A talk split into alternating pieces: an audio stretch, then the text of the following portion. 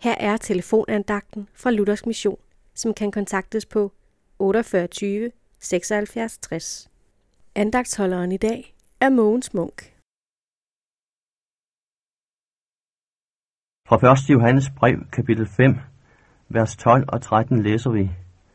Den, der har sønnen, har livet. Den, der ikke har sønnen, har ikke livet.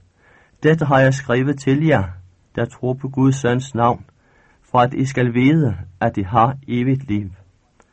Den ene dag kan jeg føle mig sikker på, at jeg er frelst og at har et evigt liv, men den anden ikke. Du, der har det sådan, du gør en stor fejl. En fejl, som vi vel alle er tilbøjelige til at falde i. Fejlen er den, at du bygger din vidsthed på dine følelser. Du ser på dig selv, og så ser du alle dine fejl og mangler. Du ser, at dit kristenliv ikke slår til.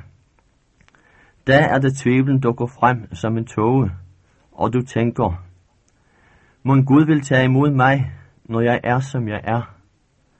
Du skal ikke se på dig selv. Du skal ikke bygge din frelsesvidshed på dine følelser, for da vil du altid leve i øvidshed, fordi dine følelser er skiftende. Gud vil ikke, at du skal leve i øvidshed, men i vidshed.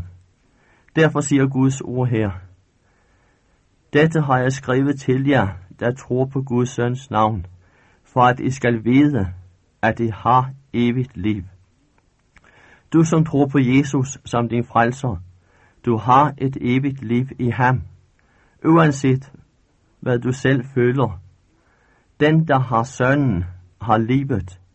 Den, der ikke har Guds søn, har ikke livet.